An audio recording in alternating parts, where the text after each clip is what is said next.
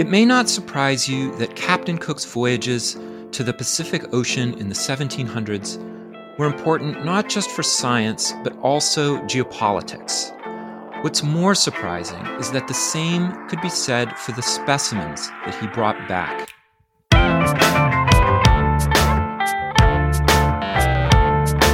It's time to eat the dogs. I'm Michael Robinson. Today, Edwin Rose talks about Joseph Banks and Georg Forster, naturalists on the Cook expeditions, and the way that political ideas shaped the way their specimens were understood back in Europe. Rose is completing a PhD in the Department of History and Philosophy of Science at the University of Cambridge and will soon be the Munby Fellow in Bibliography at Cambridge University Library, as well as a research fellow at Darwin College, Cambridge. He's the author of Publishing Nature in the Age of Revolutions Joseph Banks, Georg Forster, and the Plants of the Pacific. Edwin Rose, thank you so much for talking with me. Thank you um, for having me, Michael. So, the most celebrated explorer, certainly in the Anglo American world in the 18th century, is James Cook, who makes three separate voyages in the late 1700s. What was the goal of Cook's first voyage, and what was the role of Joseph Banks, the celebrated British figure, on that expedition? So, um, Cook's first voyage really had um, an awful lot of aims that were set out in a series of instructions that the British Admiralty uh, gave to James Cook before his departure in 1768. The instructions really laid out two or three sort of core aims. The first was to sail to the Pacific island of Tahiti to conduct astronomical observations of the transit of Venus um, and this was something that was of great interest to the Royal Society, who, alongside the Admiralty, funded this voyage. Um, and the main reason for doing this was to assess the and solve, hopefully, the problem of longitude. Now, the second major thing uh, that Cook was tasked with doing was sailing into the South Pacific to look for the um, fabled uh, Great Southern Continent, the Terra Australis Incognita. There was a theory it, which lasted until the late 18th century that there was an equal amount of land in the southern hemisphere as that which could be found in the northern hemisphere. So that was Cook's other major aim, and his the idea was for him to chart this land. And then the third thing was for him to well, it was this is a really a dual part part thing. Um, the third thing was for him to sail to this land or find land in the South Pacific, make contact with the native peoples, uh, but also to collect natural history specimens and thereby assess the economic potential of these lands for European commerce, and later on, colonization also became uh, a pressing issue. And Banks was the person most involved in that final category of collecting and analyzing. Yes, Banks was um, in the final, really, uh, his main role actually. So Banks only came to to this expedition after much of it had already been decided between the Royal Society and the Admiralty. Banks wasn't like many of the um, naturalists or natural historians of the 18th century who accompanied voyages funded by continental European powers such as the French or the Spanish. He was purely self funded out of his own pocket and he funded, he paid uh, four thousand pounds for himself and his party to accompany Cook, which was a, phenomenal sum for the period. And this was mostly funded through country estates that he owned in Lincolnshire and the Midlands in England. And Banks really bought was, there wasn't just Banks, he bought a full team of naturalists and specimen collectors.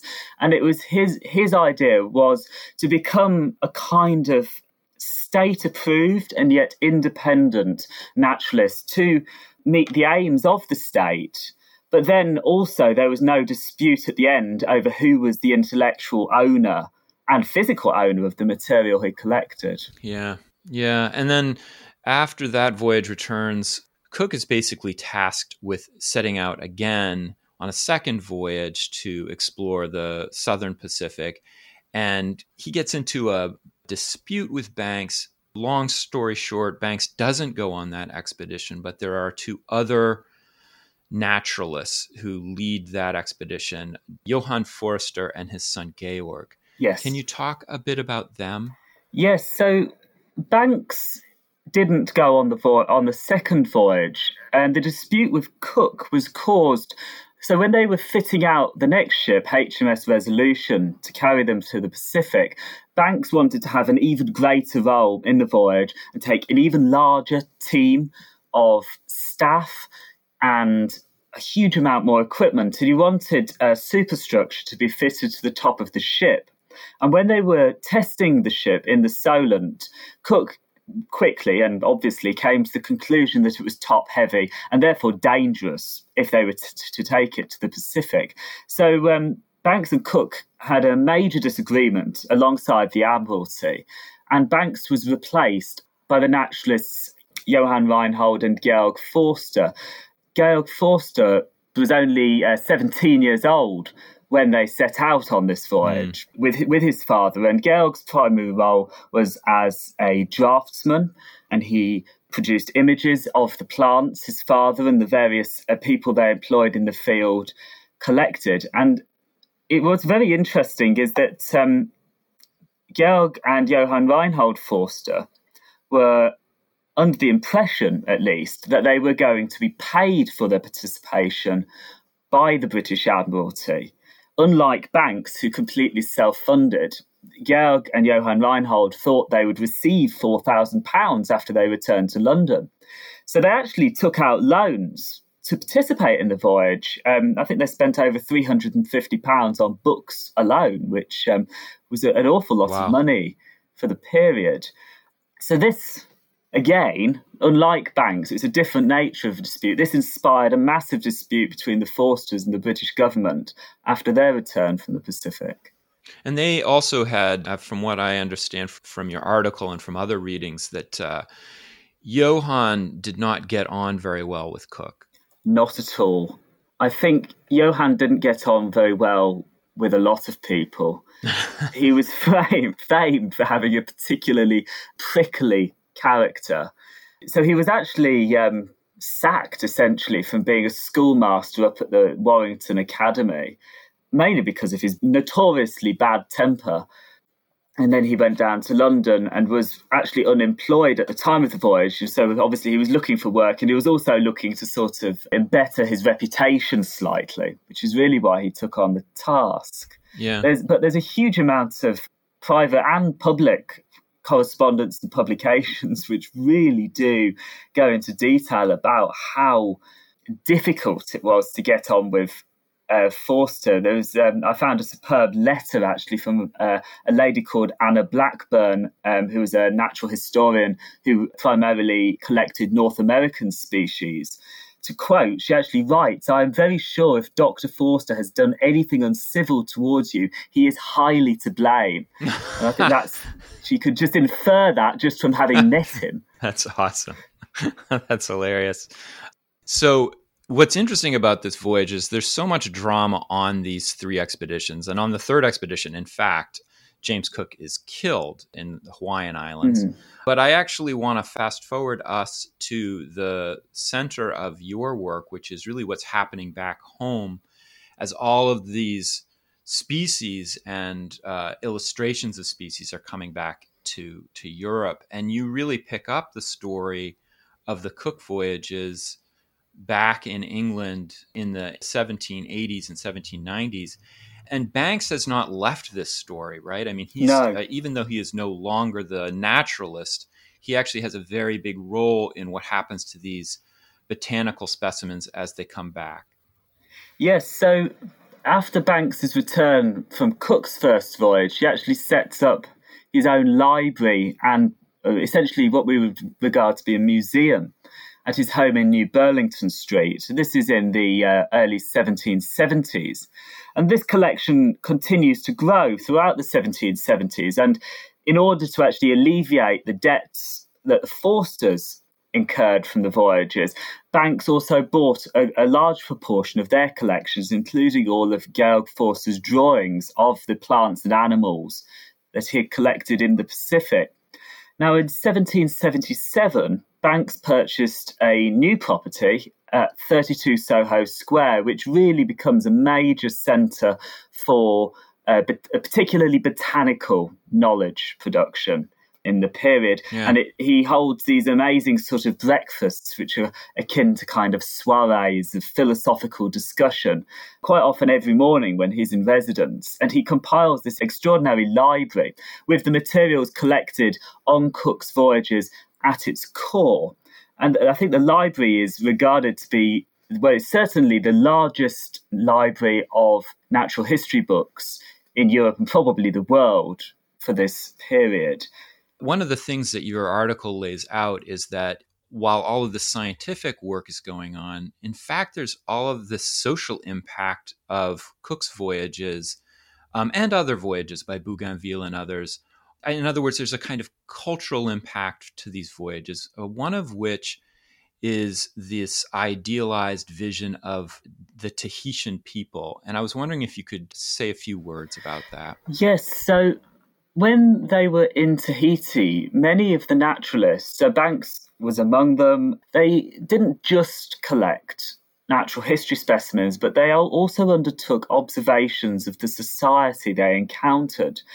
And it becomes particularly apparent with uh, Bougainville and Forster that the society they observed and the relative equality between what they viewed to be the different classes of society in Tahiti were much closer. There was a very there was not such a vast gulf in social movement and more general wealth between the rulers and the ruled in Tahitian society.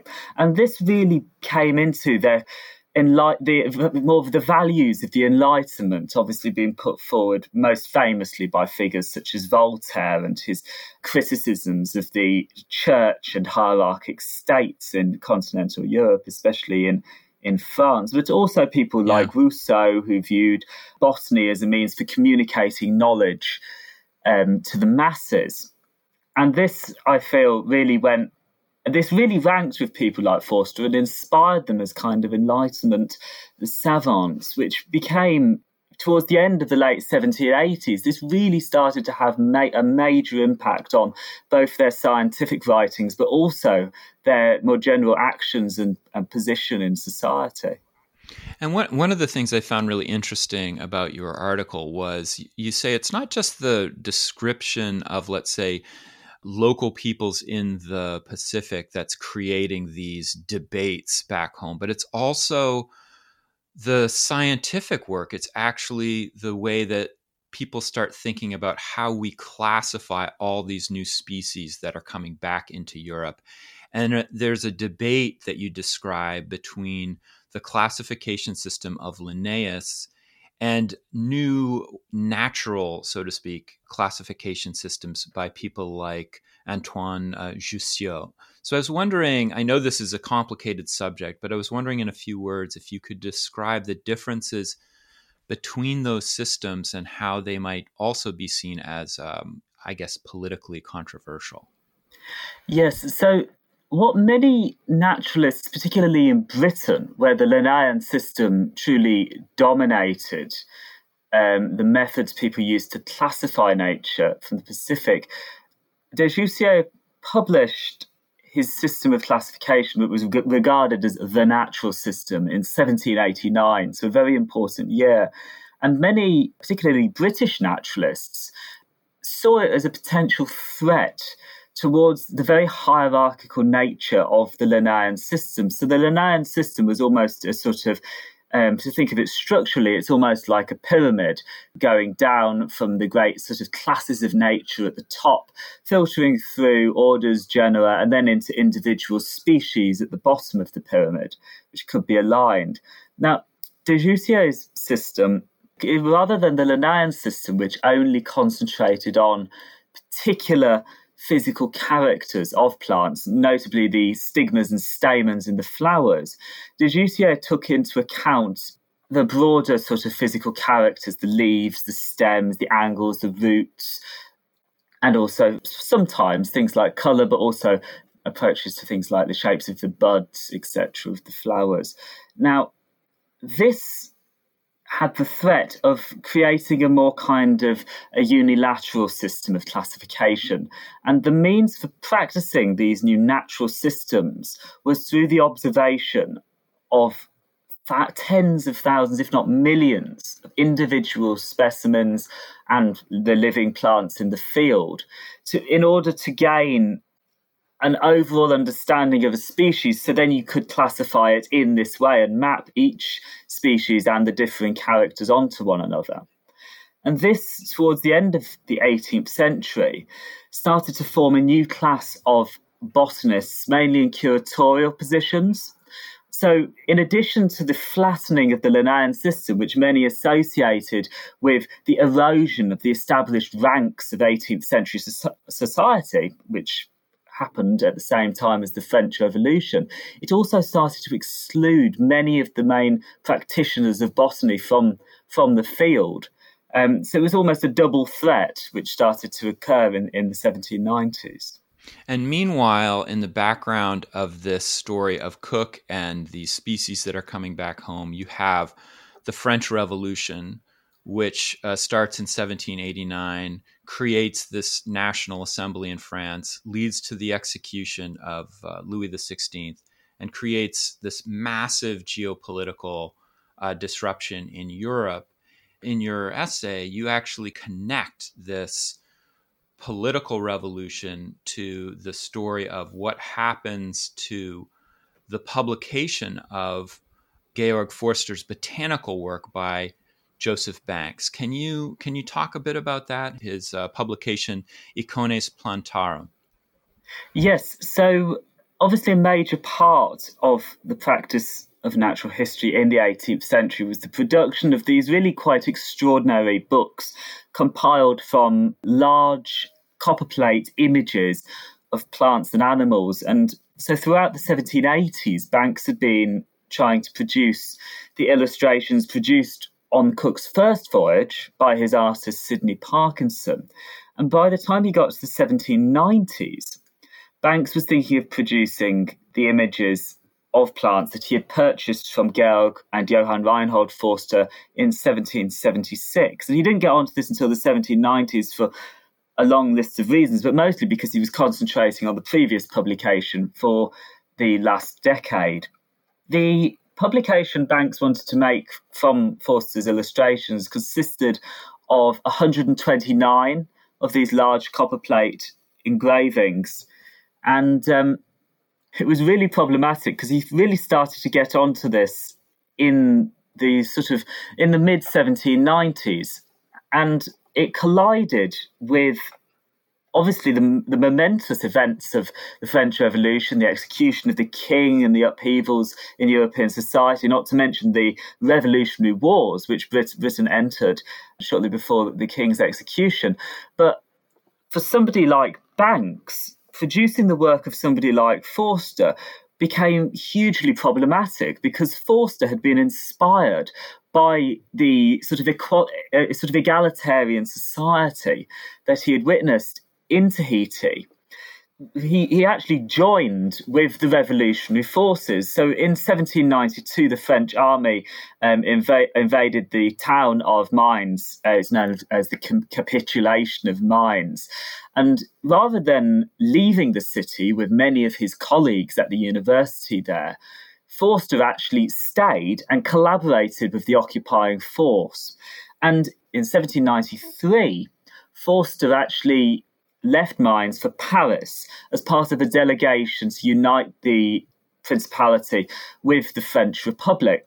But the problem Forster had was during his time in Paris, the Allied German army reoccupied Mainz and left him in a state of exile, which is where he died in early 1794.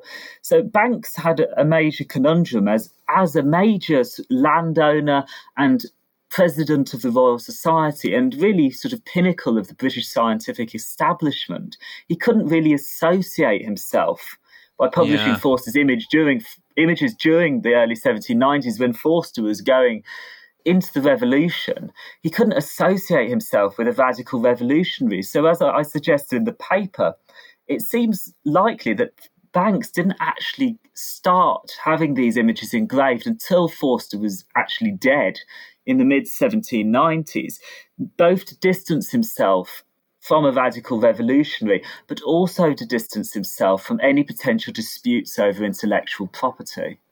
You also make the point, and this is really interesting, that Forster, who's this revolutionary, also uses this more egalitarian classification system, the Jussieu system, whereas Banks, who is the aristocrat, tends to like the hierarchical system of Linnaeus, and that you actually see the influence of Banks in reinterpreting how this book gets published. Can you give a few details from that? Uh, yes. So, what we have what's really interesting so in the 1770s when forster produces the images he doesn't actually use de Jussieu's system but he becomes very interested in natural systems and his, he actually corresponds and uh, talks to alexander von humboldt about natural systems of classification the, in about 1790 so he becomes quite a major supporter of these means for classifying nature. What we have from the 1790s is actually arranged according to the Linnaean system, but it's not quite so so authoritatively Linnaean as Banks might have liked. So, for example, Forster uses um, things like um, fantastic colours in some of his illustrations, and Linnaeus actually explicitly states that you shouldn't use colour because it can not only detract from the physical shape of the plant, but it can also detract uh, or it can portray an unrealistic impression because colours of plants were affected by the um, by the natural environment, and it didn't account for environmental change. So that that yeah. was the problem. so that's what Banks tried to do. Is when he was producing this book, he really tried to enforce a very rigid Linnaean means for producing or reproducing these images. He erased all colour, and colour, given that Forster had applied the colour on the islands of the Pacific, colour could even potentially lead to viewing these images as being sort of beautiful and associating it with the libertarian and in general beauty, libertarian values and general beauty of the Pacific Islands. He also removed yeah. shade um, for a similar reason. So the images that you have that Banks actually published are quite starkly different from the images mm. to produce in the field. They're very much taxonomically Linnaean images. Do you think that?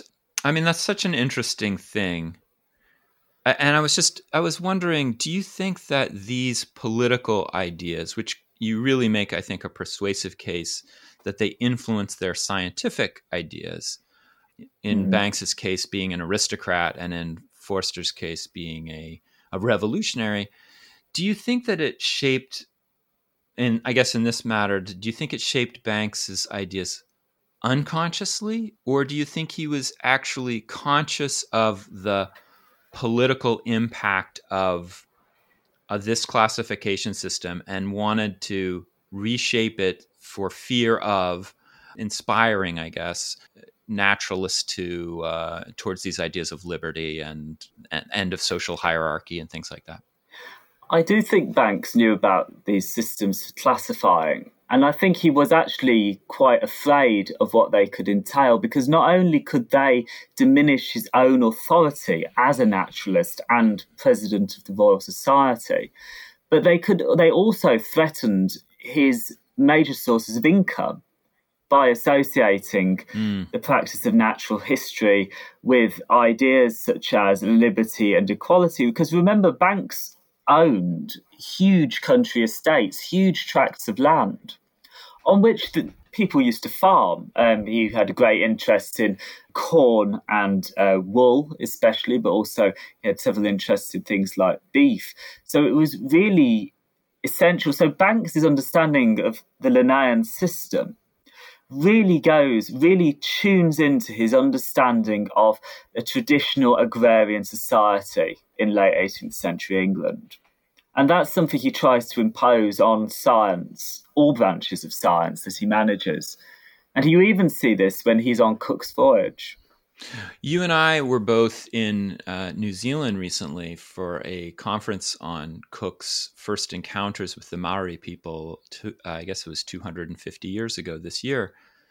And I was wondering what it was like for you to actually visit this place that you've worked on for so long as a set of botanical illustrations and copper plates and text. I thought it was really absolutely uh, extraordinary, actually. And um, if you recall, when we were going along in the boat, we saw a pod of dolphins which came, or a couple of pods of dolphins which came and um, jumped in the sea alongside the yeah. boat. And obviously, um, Banks also describes seeing an awful lot of dolphins in that in the same region. But then to arrive at um, Ship's Cove or, or Meretoto and seeing some of the actual plants I've, I've, that I've seen the dried specimens of collect that they collected there 250 years ago um, in the field, it was really quite overwhelming, and it gave me a new impression of of these areas. I didn't. I don't think I saw it in quite such the same light as someone like Banks would, as an 18th century landowner. But I could certainly associate, at least in some way, with how Forster was seeing the South Pacific, the ideas of almost a interest in how it could inspire a later interest in democracy. Um, mainly because of the just the extraordinary encounters and the um, extraordinary objects that you, you could see that they had never ever seen before. Yeah. Edwin Rose, thank you so much for talking with me. Thank you very much. That's it for today. The music was composed by Zabrat. Make sure you check out the Time to Eat the Dog's website podcast links and other exploration related stuff. And if you get the chance, please take a minute to rate and review the show wherever you get your podcasts. It really helps make the show visible to new listeners. And if you want to recommend a guest or make a comment, feel free to contact me at time to eat the dogs, that's one word, lowercase, at gmail.com. See you next week.